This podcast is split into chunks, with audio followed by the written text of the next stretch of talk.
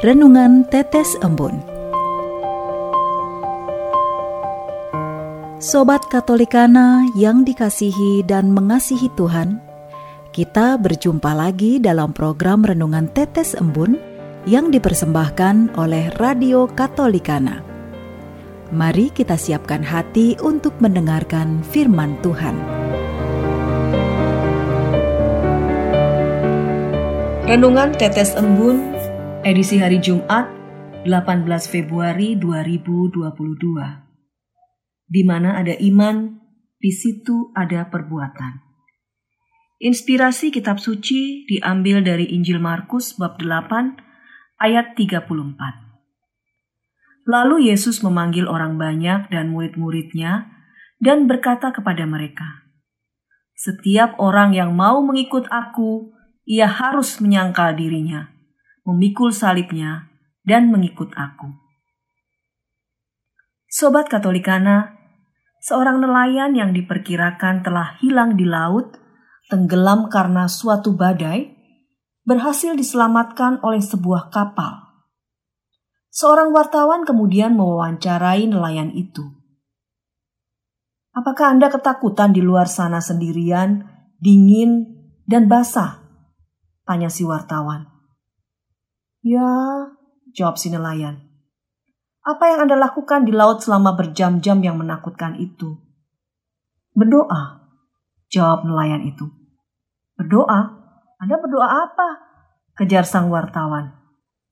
Tentu saja mendoakan apa yang bisa saya doakan. Jika memang Tuhan memberikan saya kesempatan untuk hidup, maka saya pasti selamat. Kalaupun tidak, saya tetap bersyukur. Dan Anda percaya Tuhan akan menyelamatkan Anda? Ya? Oh, kenyataannya Tuhan memang menyelamatkan Anda sih. Uh, apakah Anda hanya berdoa? Tanya wartawan itu lagi. Si nelayan yang sudah merasa bosan pun menjawab. Hanya orang bodoh yang hanya berdoa tanpa berusaha. Tentu saja saya berteriak-teriak, memanfaatkan barang-barang yang masih tersisa di perahu untuk menarik perhatian kapal yang lewat. Kalau saya hanya mendoakan apa yang sebenarnya bisa saya lakukan, tapi tidak berusaha melakukan apa-apa yang saya doakan, mungkin saya tidak akan berada di sini sekarang. Sobat Katolikana, apakah semua orang beragama itu beriman? Ataukah orang yang beriman itu beragama? Yakobus mengatakan, Iman tanpa perbuatan pada hakikatnya adalah mati. Karena iman menuntut pembuktian, bukan sekedar dogma, kepercayaan, tetapi melampaui doktrin-doktrin keagamaan tersebut. Yakobus menggugat cara beriman jemaat yang masih terpusat pada ajaran agama, tetapi tidak menghidupi ajaran itu dalam tindakan nyata. Hal yang sederhana, yaitu tidak membeda-bedakan orang, memandang semua orang dengan kebenaran dan hati Allah. Memandang dengan kebenaran berimplikasi pada sikap dan bahasa tubuh yang menunjukkan penerimaan sepenuhnya akan kehadiran orang lain.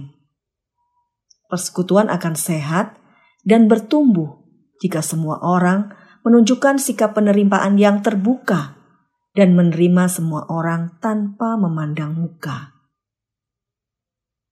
Beriman berarti berisi dan bersaksi. Dalam berisi dan bersaksi, iman diungkapkan. Sebaliknya, iman tanpa perbuatan nyata itu mati. Beriman kepada Yesus berarti pemberian diri seutuhnya. Maka penderitaan, salib, dan kematian tidak akan menjadi batu sandungan tuntutan iman ini menjadi jaminan keselamatan. Marilah kita senantiasa mewujud nyatakan iman kita kepada Tuhan melalui perbuatan nyata dalam hidup sehari-hari. Dengan melakukan tindakan kasih yang mencerminkan keberadaan Tuhan yang hidup. Dan dengan berani kita menanggung semua tantangan dalam hidup kita sehari-hari. Marilah berdoa. Bapa Maha Pemurah, kami bersyukur atas rahmat iman dan baptisan yang boleh kami terima. Kami mohon, kekuatan untuk mampu memberikan diri seutuhnya kepadamu. Jadikanlah kami anak-anakmu yang senantiasa mampu mewujud nyatakan iman kami melalui perbuatan nyata. Amin.